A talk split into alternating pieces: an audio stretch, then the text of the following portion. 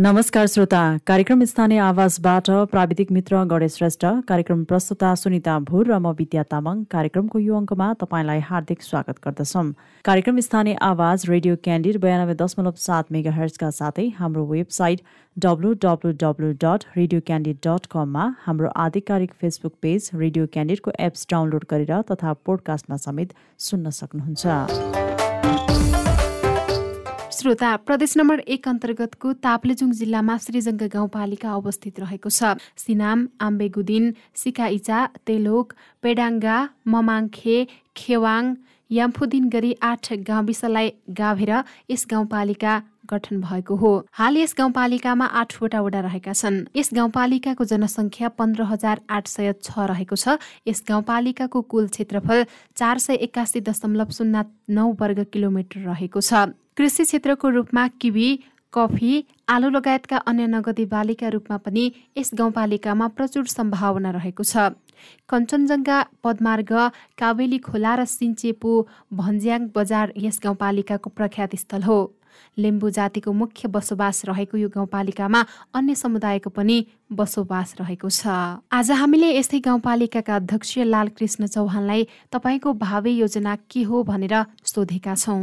कार्यक्रम स्थानीय आवाजमा यहाँलाई स्वागत छ अध्यक्षज्यू। धन्यवाद भर्खरै वैशाख एकतिस गते निर्वाचन सम्पन्न भयो र यहाँहरू निर्वाचित भएर आउनु भइसकेको पनि अब तिन चार महिना भइसकेको खण्डमा यहाँले पहिलो काम चाहिँ के गर्नुभयो गाउँपालिकामा? मैले नयाँ काम त अब हाम्रो अहिले बाढी पहिरोले श्रीजङ गाउँपालिका अलिकति धेरै अलिकति दुःख दियो बढी बाढी पीडितले ध्वस्त भयो। त्यही सिलसिलामा बाढी पीडितलाई उद्धार गर्ने अनि तिनीहरूलाई चाहिँ व्यवस्थापन गर्ने पाटोमा बढी हामी जिम्मेवार भयौँ। र अहिले स्थानीय तहमा चाहिँ जति पनि यहाँको शिक्षा स्वास्थ्य र यहाँको बसै सराई सराई जाने जुन क्रम छ त्यसलाई रोक्नको लागि शिक्षा स्वास्थ्यमा चाहिँ लगानी पनि हामीले बढी गरेका छौँ। हजुर अब यहाँले भन्नुभयो जस्तै बाढी पहिरोले अलिकति क्षति गरेको कारणले त्यसमा रात दिन चाहिँ हामी हिँडिरह्यो भन्दै गर्दाखेरि भौतिक संरचनाको रूपमा जुन एउटा सडक सञ्जाललाई विस्तार गर्नको लागि चाहिँ यहाँले योजनाहरू कसरी अगाडि बढाइरहनु भएको छ? सडक हाम्रो सञ्जाल सडक सञ्जाल त पुगिसकेका छ सबै वडामा र पनि अब धेरै बाढी पहिरोले खोलाको मोटर पुलहरू चाहिँ धेरै ठाउँमा छेद विच्छेद बनाएकोमा गाउँपालिकाले हाम्रोमा हाइड्रोसँग पनि काम गरिरहेको छ हाम्रो गाउँपालिकामा त्यो हाइड्रोसँग साझेदारी गरेर हामी गाउँपालिकाले बाटाहरू सबै सुचारू गऱ्यौँ। र यो बडा दसैँमाको बा बडा दसैँले पनि अलिकति असर नपरोस् भनेर सडकको चाहिँ सबै हामीले वडा वडामा चाहिँ मर्मत गरेर सहज बाटो चाहिँ बनाइसक्यौँ। हजुर भनेपछि सबै वडामा यस स्थानीय तहको सबै वडामा चाहिँ सडक सञ्जालहरू पुगिसकेको अवस्था छ। हजुर पुगिसकेको छ। त्यो सडक सञ्जालहरू चाहिँ कच्ची हो कि ग्राभेल कस्तो रहेको छ? हाम्रो कच्ची हो पहाडी क्षेत्रमा ग्राभेल त छैन कच्ची छ कच्ची भए पनि साधन राम्रै बनाएको छ। अब सडक सञ्जालको हामीले यही कुरालाई यही टुङ्ग्याए अब अघि सुरुमा पनि यहाँले भन्नुभयो अध्यक्षज्यू शिक्षा र स्वास्थ्यमा चाहिँ बजेटलाई अलिकति बढी प्राथमिकता दिइरहेका छौँ भनेर यहाँले भन्नुभयो। अब शिक्षा क्षेत्रलाई जोड्दाखेरि चाहिँ यस गाउँपालिकामा कस्तो रहेको छ अवस्था? शिक्षा क्षेत्रमा हामीले अब आठवटा वार्डको प्रथम विद्या प्रत्येक माविबाट प्रथम हुने विद्यार्थीलाई एकजना पशु र एकजना चाहिँ पशु र अर्को कृषिमा चाहिँ हामीले विद्यार्थीलाई अध्ययन गरिरहेछौँ पढाइरहेछौँ।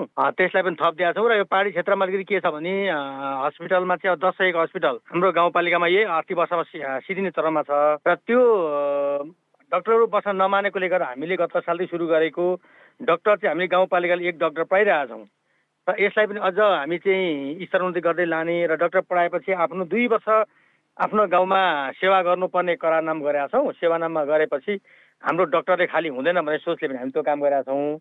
अनि विद्यार्थीहरूलाई अब अब कक्षा पासको लागि ड्रेसको व्यवस्था गरेका छौँ। अब कक्षा एसएससीमा एसईमा पढ्ने विद्यार्थीलाई चाहिँ कोचिङको व्यवस्था गरेका छौँ। कक्षा बाह्रसम्म निशुल्क व्यवस्था गरेका छौँ। यो चाहिँ अब के भने अलिकति भ्रष्टाचारको क्रम पनि अलिकति घट्दो दरमा होस् बढ्दो दरमा नहोस् भन्ने सोच राखेर हामीले त्यो कार्यक्रम गरिरहेका छौँ र विद्यालयको अनुगमन गर्ने र विद्यालयमा आवश्यक सामग्रीहरू पनि गाउँपालिकाले नै व्यवस्थापन गरेर लाने भने शिक्षामा बजेट पनि हामीले निकै छुट्याएको छौँ भनौँ न यहाँ अनि स्वास्थ्यमा पनि अब यो गाउँमा मान्छे लडेर मर्छ झन्डेर मर्छ विभिन्न किसिमको काल गतिबाट मर्नेलाई चाहिँ गाउँपालिकाले पोस्टमार्टम गर्ने गर्ने बखतमा चाहिँ नि शुल्कको व्यवस्था गरेर हामीले बजेट छुट्याएका छौँ। त्यस्तै गरेर अब गाउँ यो अब पहाडी क्षेत्रको दुर्गम गाउँपालिका हो यो। जहाँ के छ भने कतिपय सडक मर्मत गरिरहनु पर्ने अवस्थामा कहिले बिग्रिन्छ। त्यसले गर्दा डेलिभरीलाई चाहिँ नि शुल्क एम्बुलेन्सको व्यवस्था गरेका छौँ। त्यसमा पनि अब कुनै ठाउँमा एम्बुलेन्स जान सकेन भने एकजना महिलालाई चाहिँ बर्थिङ सेन्टरसम्म ल्याउनको लागि रु दुई हजारको दरले बुकाइ खर्च भनेर दुई हजारको दरले चाहिँ थप उनीहरूलाई सेवा पनि दिएका छौँ। र यी विविध कुराहरूले चाहिँ गर्दा चाहिँ गाउँपालिकामा अझ भोलिको लागि चाहिँ यहाँको जनसङ्ख्या बसेसर जानुभन्दा यहीँ रोकिन्छ भन्ने अवस्थामा हामी कृषि शिक्षा स्वास्थ्य हरेक कुरामा चाहिँ लगानी गरिरहेका छौँ। हजुर अब यहाँले भन्नुभयो जस्तै शिक्षामा गुणस्तरीय ल्याउनका लागि र त्यहीँको जनशक्तिलाई चाहिँ बाहिर नजान दिनको लागि पनि जुन एउटा अवसरहरू चाहिँ त्यहीँ निर्माण गरिरहनु भएको छ भन्ने कुरा यहाँले गर्नुभयो। हजुर हजुर। हजुर अब यहाँले पनि कृषिको कुरा गरिरहँदाखेरि जुन एउटा नगदे बाली र एउटा आर्थिक समृद्धिको पाटो पनि बन्न सक्छ त्यसलाई बजारीकरण गर्नको लागि चाहिँ यहाँले कस्तो योजनाहरू अगाडि सारिरहनु भएको छ? अहिले मैले यो आर्थिक वर्षमा चाहिँ बजेट मैले पहिलो प्राथमिकता कृषि क्षेत्रमा किसानहरूले उत्पादन गरेको चिजहरूलाई व्यवस्थापन गर्नेतर्फ लागिरहेको छु। त्यसमा अहिले चाहिँ हामीले बाह्र तेह्र करोडको कोल्ड स्टोर निर्माण गरेर चाहिँ कृषकहरूले उत्पादन गरेको चाहिँ तरकारीहरू झुँदै बालीहरूलाई त्यहाँ व्यवस्थापन गर्ने भन्ने पक्षमा लागेर नयाँ बजेटमा डिपिआर गरेर काम हामी यो दोस्रो हिउँदे अधिवेशनबाट ठेक्का गर्ने प्रक्रियामा छौँ अनि हामीले गत सालदेखि नै यो किबी कफी यसलाई चाहिँ अत्याधिक रूपमा चाहिँ हामीले कृषिमा लगानी गरेर आठवटा वडामा मेरो गाउँपालिकामा जम्मा आठवटा वार्ड छ सबै वडामा चाहिँ यो कार्यक्रमहरू लगाएका छौँ र हाम्रोमा अत्यन्तै अलिक किबीको चाहिँ धेरै फलहरू उत्पादन भइरहेछ र यो किबीलाई पनि प्रशोधन गरेर यिनीहरू क्षेत्रमा चाहिँ अलिकति अब यसलाई प्रशोधन गरेर वेन बनाउने जुस बनाउने आदि फ्याक्ट्री यहाँ राख्ने त्यसो गर्दाखेरि कृषिको उत्पादन भएको चिज किबीलाई पनि व्यवस्थापन गर्न सकियो र हामीले दुई वर्षभित्रमा चाहिँ यो कोल्ड स्टोर निर्माण गरिसके पछाडि कम्तीमा पनि यो हाम्रो गाउँपालिकामा अन्य जिल्लाबाट आउने आलु ज आलु आलु यो सागसब्जी हरेक चिजहरूलाई चाहिँ यहीँ व्यवस्थापन गर्न सकियो भने उतोबाट आउनु निर्यात गर्नुभन्दा पनि यहाँबाट चाहिँ बाहिर पठाउने।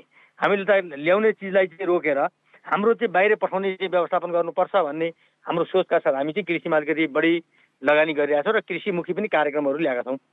हजुर भनेपछि कोल्ड स्टोर निर्माण हुने क्रम रहेको छ। हजुर। हजुर अब कृषिमा नै अलिकति मैले सिँचाइलाई जोड्न चाहे सिँचाइको अवस्था चाहिँ कस्तो छ अहिले यस गाउँपालिकामा? सिँचाइको अवस्था राम्रै छ। हामीले गत सालमा पनि म योभन्दा अगाडि पनि म ओडाको चाहिँ चौहत्तर सालको स्थानीय निर्वाचनमा ओडा अध्यक्ष थिएँ। र त्यही सिलसिलामा हामीले सिँचाइमा धेरै पाइपहरू हामीले कुलो सिँचाइहरूको काम पनि धेरै गरिसकेका छौँ। र सिँचाइ पर्याप्त मात्रामा पानी पनि भएकै ठाउँ हाम्रो गाउँपालिका। त्यसमा पनि अब सिँचाइ पर्याप्त छ। र हामीले किबीको लागि दुईवटा पेदाङ पाँच नम्बर वडा पेदाङ र आठ दुई नम्बर वडा आम्बेको दिनमा चाहिँ मेन स्टाइलको चाहिँ कोल्ड रुम पनि हामीले गत सालमा सिधाइसकेका छौँ यहाँ चाहिँ त्यहाँ भएको किबीहरूलाई चाहिँ राख्ने र केही समय राखेर सही समयमा बेच्न सक्यो भने किसानले केही राहत पाउँछन् भन्ने सोचले काम गरिसकेका छौँ र अरू बाँकी पनि हाम्रो काम चाहिँ लगातार भइरहेको अवस्था नै छ। हजुर भनेपछि कृषिमा अगाडि बढिरहेको छ। कृषिमा नै हामीले अगाडि बढाइरहेको छौँ। हजुर अब स्थानीय तहमा चाहिँ अहिले यस स्थानीय तहमा चाहिँ जुन एउटा सानो घरेलु उद्योगहरू स्थापना गर्न सक्ने सम्भावना रहेको छ कि छैन? सानो सानो छन्। हाम्रो चाहिँ अलिक के छ हामीले गाउँपालिका के लागु गरेका छौँ भने आफ्नै स्थानीय तहमा चाहिँ निर्माण उत्पादन भएको कपडालाई चाहिँ कच्चा पदार्थ चाहिँ आफ्नै गाउँपालिका विद्यार्थीहरूलाई कक्षा पाँचसम्म ड्रेसको व्यवस्था गर्ने त्यो चाहिँ आफ्नै गाउँपालिकामा उत्पादन भएको चिजले होस् र अरू बाहिरको नल्याउँ भन्ने सोचका साथ हाम्रो एउटा चाहिँ घरेलु यो कपडाहरू बन्ने उत्पादन गर्ने एउटा सानो उद्योग चाहिँ हामीले तेल गाउँपालिका केन्द्रमा बनाएका छौँ। हिजो चाहिँ हाम्रो साथीहरू जिल्ला आएर पनि पत्रकार साथीहरूले त्यसको चाहिँ इन्टरभ्यू लिएर चाहिँ उहाँहरूले पनि दिनुभएको छ न्युजमा र अहिले हामी अझ नयाँ के गरेछौँ भने हाम्रो तिनवटा वडा अलिकति हिमाली क्षेत्रमा जोडिने तिन नम्बर वडा सिकाइचा पाँच छ नम्बर वडा मामाङ्के र आठ नम्बर वडा याम्फुदिनमा चाहिँ अल्लो र विभिन्न किसिमको अल्लोहरू पाटाहरू चेरुवा चाहिँ कच्चा पदार्थ धागो चाहिँ उत्पादन गरेर गाउँपालिकामा एउटा उद्योग स्थापना सामान्य गरेको छ त्यसलाई स्तर वृद्धि गर्दै अगाडि बढाउने सोचका साथ काम चाहिँ हामीले गरिरहेको छ र बजेट पनि बनाएका छौँ। हजुर अब मैले यहीसँग अलिकति जोड्न चाहेँ जस्तै युवालाई स्वरोजगार गर्नका लागि चाहिँ यहाँले कसरी नीतिहरू अगाडि ल्याइरहनु भएको छ? हामीले दस लाख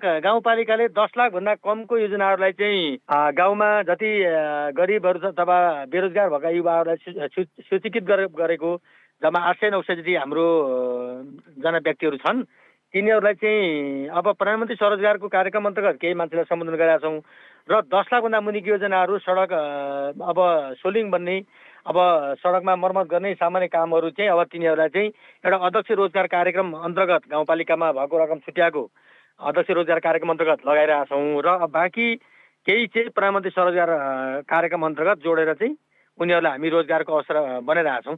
हजुर अब यो कुरा हामीले यहीँ गरिरहँदाखेरि अब मैले अलिकति जोड्न चाहेँ जस्तै ऊर्जाको क्षेत्रमा चाहिँ सबै गाउँपालिकामा चाहिँ विद्युत आपूर्ति रहेको छ कि के छ अवस्था?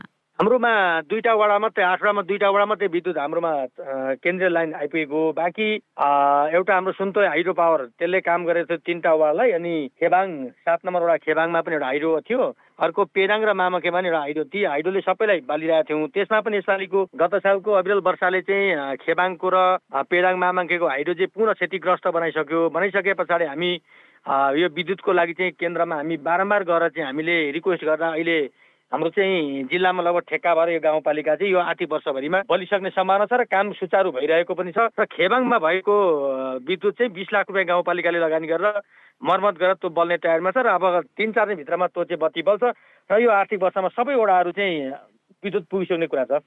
हजुर भनेपछि यो आर्थिक वर्षमा चाहिँ सबै ओडाहरूमा बिजुलीको आपूर्ति सहज रूपमा वितरण हुन्छ। वितरण हुन्छ। हजुर अब यही कुरा गरिरहँदा सुरुमा यहाँले पनि भन्नुभयो अब हामीसँग त्यति खानेपानीको अभाव छैन भन्दै गर्दाखेरि जुन एउटा एक घर एक धारा सरकारको नीति थियो त्यो अनुरूप नै सबै ओडाहरूमा चाहिँ खानेपानीको आपूर्ति भइरहेको छ कि के छ अवस्था यस गाउँपालिकामा? जस्तो हाम्रो गाउँपालिकाले छ नम्बर वडालाई एक घर एक धारा भन्ने अभियानका साथ हामीले सम्पन्न गरिन्थ्यो खानेपानी र बाँकी अरू वडामा विराट खानेपानी आयोजना पनि चलिरहेछ कतिवटामा काम सम्पन्न भइसकेको छ अब केही केही ठाउँमा फाटफुट बाँकी छ ती पनि अब बन्ने चरणमा चाहिँ छन् सबै। हजुर अब यो त कुरा भयो। मैले अलिकति पर्यटन क्षेत्रलाई पनि जोड्न चाहेँ। यस गाउँपालिका पनि पर्यटनको सम्भावना बोकेको छ होइन? कञ्चनजङ्घा पदमार्ग पनि यही बाटो पर्दैछ भने पर्यटन क्षेत्रलाई प्रवर्धन गर्नका लागि चाहिँ यहाँहरू कसरी अगाडि बढ्नुहुन्छ? अब यो अलिकति ताप्लेजुङ चाहिँ पर्यटन क्षेत्रमा चाहिँ अत्यन्तै पछाडि परेको ठाउँ हो। यहाँ धेरै चाहिँ अब राष्ट्रले पनि अलिकति चासो नगर जस्तो लाग्छ। अब यता हाम्रो गाउँपालिकाले छेउको बोर्डरमा रहेको कञ्चनजङ्घा हिमाल छ। अब हाम्रो त्यसै धार्मिक पर्यटन क्षेत्रमा चाहिँ हाम्रो लिम्बू भा एउटा संस्कृतिको यहाँ चाहिँ अब लिम्बूहरूको संस्कृति हरेक जात जातिको आफ्नो संस्कृति छ। काहीँ हरि धर्म काहीँ पडामी धर्म काहीँ चाहिँ लिम्बू सङ्ग्रहालय। अब यहाँ श्रीजङ्गाको चाहिँ पहिले जन्म भएको ठाउँ पनि यही गाउँपालिका। यी हरेक चिज चिजलाई चाहिँ अलिकति पर्यटकै क्षेत्र बनाउनुपर्छ भन्ने हाम्रो सोच हो। अब हाम्रो छ नम्बर वडामा तालहरू दुई तिनवटा तालहरू पनि छन्। अब यता हाम्रो बोर्डरबाट यो सिदिङमा गाउँपालिका पर्छ हाम्रो तिम्बुङ पोखरी हाम्रो पनि यताबाट भेट्छ पाथिबाट पनि हाम्रो चाहिँ आदि भेट्छ त्यसले गर्दा अब हामीले चाहिँ एउटा तिन नम्बर चार नम्बरवटा तेल्लोक र चाहिँ तिन नम्बरवटा सिकाइचाको बिचमा रहेको यो भन्ज्याङ भन्छौँ हामी यहाँ यो भन्ज्याङमा चाहिँ अहिले त्यहाँनिर चाहिँ हामी गुरु योजना पर्यटकको क्षेत्र बनाउनको लागि गुरु योजना तयार गरेर त्यसलाई अलिकति हामीले यहाँ सिर्जना गाउँ यो गाउँपालिका अथवा यो जिल्लाकै केही चाहिँ झल्को आउने हिसाबले पर्यटनमा अगाडि बढाउनुपर्छ भन्ने सोचका साथ हामी गाउँपालिकाले छलफल अगाडि बढिरहेका छौँ र यो मङ्सिर पुस्तिर चाहिँ यसको गुरु योजना तयार गरेर हामी अझै थप विस्तृत गरेर लाने भन्ने सन्दर्भमा छौँ। हजुर अध्यक्षज्यू मैले सामाजिक सुरक्षाको विषयमा चाहिँ धेरैले प्रश्न पनि उठाउनुहुन्छ। मैले त्यसलाई नै अलिकति जोडेँ। अब यस स्थानीय तहमा चाहिँ जुन एउटा वृद्ध वृद्ध बालबालिका हुनुहुन्छ जुन एउटा अपाङ्गता भएका व्यक्ति र एउटा पिछडिएको समुदाय पनि हुनुहुन्छ उहाँलाई अझ उहाँको जीवनस्तर सुधार्न सुधार्नका लागि चाहिँ यहाँहरू कसरी अगाडि बढ्नुहुन्छ? होइन अब हामीले यो सामाजिक सुरक्षा भत्ता वितरणको कुरा त पहिला अब गाउँ गाउँमा सचिवहरूले ओडामा ल्याएर बाँड्ने जुन व्यवस्था थियो त्यसमा त जनताले खुसी भएको थिए। अहिले नेपाल सरकारको नियमअनुसार नै ब्याङ्कमा खाता सञ्चालन गरेर ब्याङ्किङ कारोबार जुन भएको छ त्यसले चाहिँ यो पाहाडी क्षेत्र सायद मेरो मात्रै गाउँपालिका नम्बर सबै पाहाडी क्षेत्रमा चाहिँ अलिकति दुर्गम भएको कारणले धेरै ज्येष्ठ नागरिक वृद्ध वृद्धहरूलाई चाहिँ त्यो सामाजिक सुरक्षा भत्ता बाँड्नको लागि समस्या छ र उनीहरूले पनि त्यसमा दुःख चाहिँ व्यक्त गरे गरिरहेको अवस्था छ। त्यसले गर्दा मैले मेरो गाउँपालिकामा चाहिँ एउटा सात नम्बर वडा खेबाङमा अहिले लक्ष्मी ब्याङ्क भर्खर स्थापना गरेका छन् साथीहरूले। त्यस पछाडि एक नम्बरवटा सिनाममा त्यहाँ सिभिल ब्याङ्क रहेछ। तिनीहरूसँग चाहिँ अब अहिलेको यो बडा दसैँको उसमा चाहिँ अहिलेको चाहिँ आर्थिक वर्ष अहिलेको यो हाम्रो चाहिँ रकम चाहिँ तत्काल लाउनु र पर्ने रकम चाहिँ नेपाल ब्याङ्क मार्फतै गऱ्यौँ र अब आउने अर्को चरणको चाहिँ दोस्रो किस्तामा चाहिँ हामीले खेबाङबाट तिनवटा वार्डलाई लक्ष्मी ब्याङ्क मार्फत बाँड्ने त्यो लक्ष्मी ब्याङ्कमा चाहिँ एउटा फिङ्गर प्रिन्टबाट सजिलो उपाएर छ त्यसले गर्दाखेरि गाउँ गाउँ त्यहाँ पठाउने तिनवटा वार्ड खेबाङले हेर्ने अनि सिनाममा एक नम्बर वार्डले ती सिभिल ब्याङ्क मार्फत चाहिँ त्यो सामाजिक सुरक्षा भत्ता दिन पाए त्यहाँको जनताहरूले पनि सुविधा हुने थियो र उनीहरूलाई त्यति दुःख हुने थिएन भन्ने कुरामा लागिरहेको छौँ र हामी यसको प्रक्रियामा अगाडि बढिसकेका छौँ। हजुर अब धेरै स्थानीय तहले अहिले उठाउने गरेका प्रश्न चाहिँ के हुन् भने केन्द्रीय सरकार र प्रदेश सरकारमा अलिकति समन्वयको अभाव भयो बजेटमा चाहिँ अलिकति अभाव भयो भनेर धेरै जनप्रतिनिधिहरूले गुनासो गर्नुहुन्छ। होइन यहाँले चाहिँ आफूले यो कार्यकाल सम्हाल्दै गर्दाखेरि कस्तो अनुभव गर्नु भएको छ यो कुराहरूमा? अनि यो कुरा त के छ भने हामीले स्थानीय तहले जति पनि योजनाहरू सञ्चालन गरेका छौँ जति पनि रकम विनियोजन गरेर हामीले लगानी गरेका छौँ त्यो सहज ढङ्गले हामी धेरै टाइट ढङ्गले नै काम गरेका छौँ। तर के छ प्रदेशबाट भने प्रदेशबाट आखिर आउने स्थानीय तहमै हो योजनाहरू।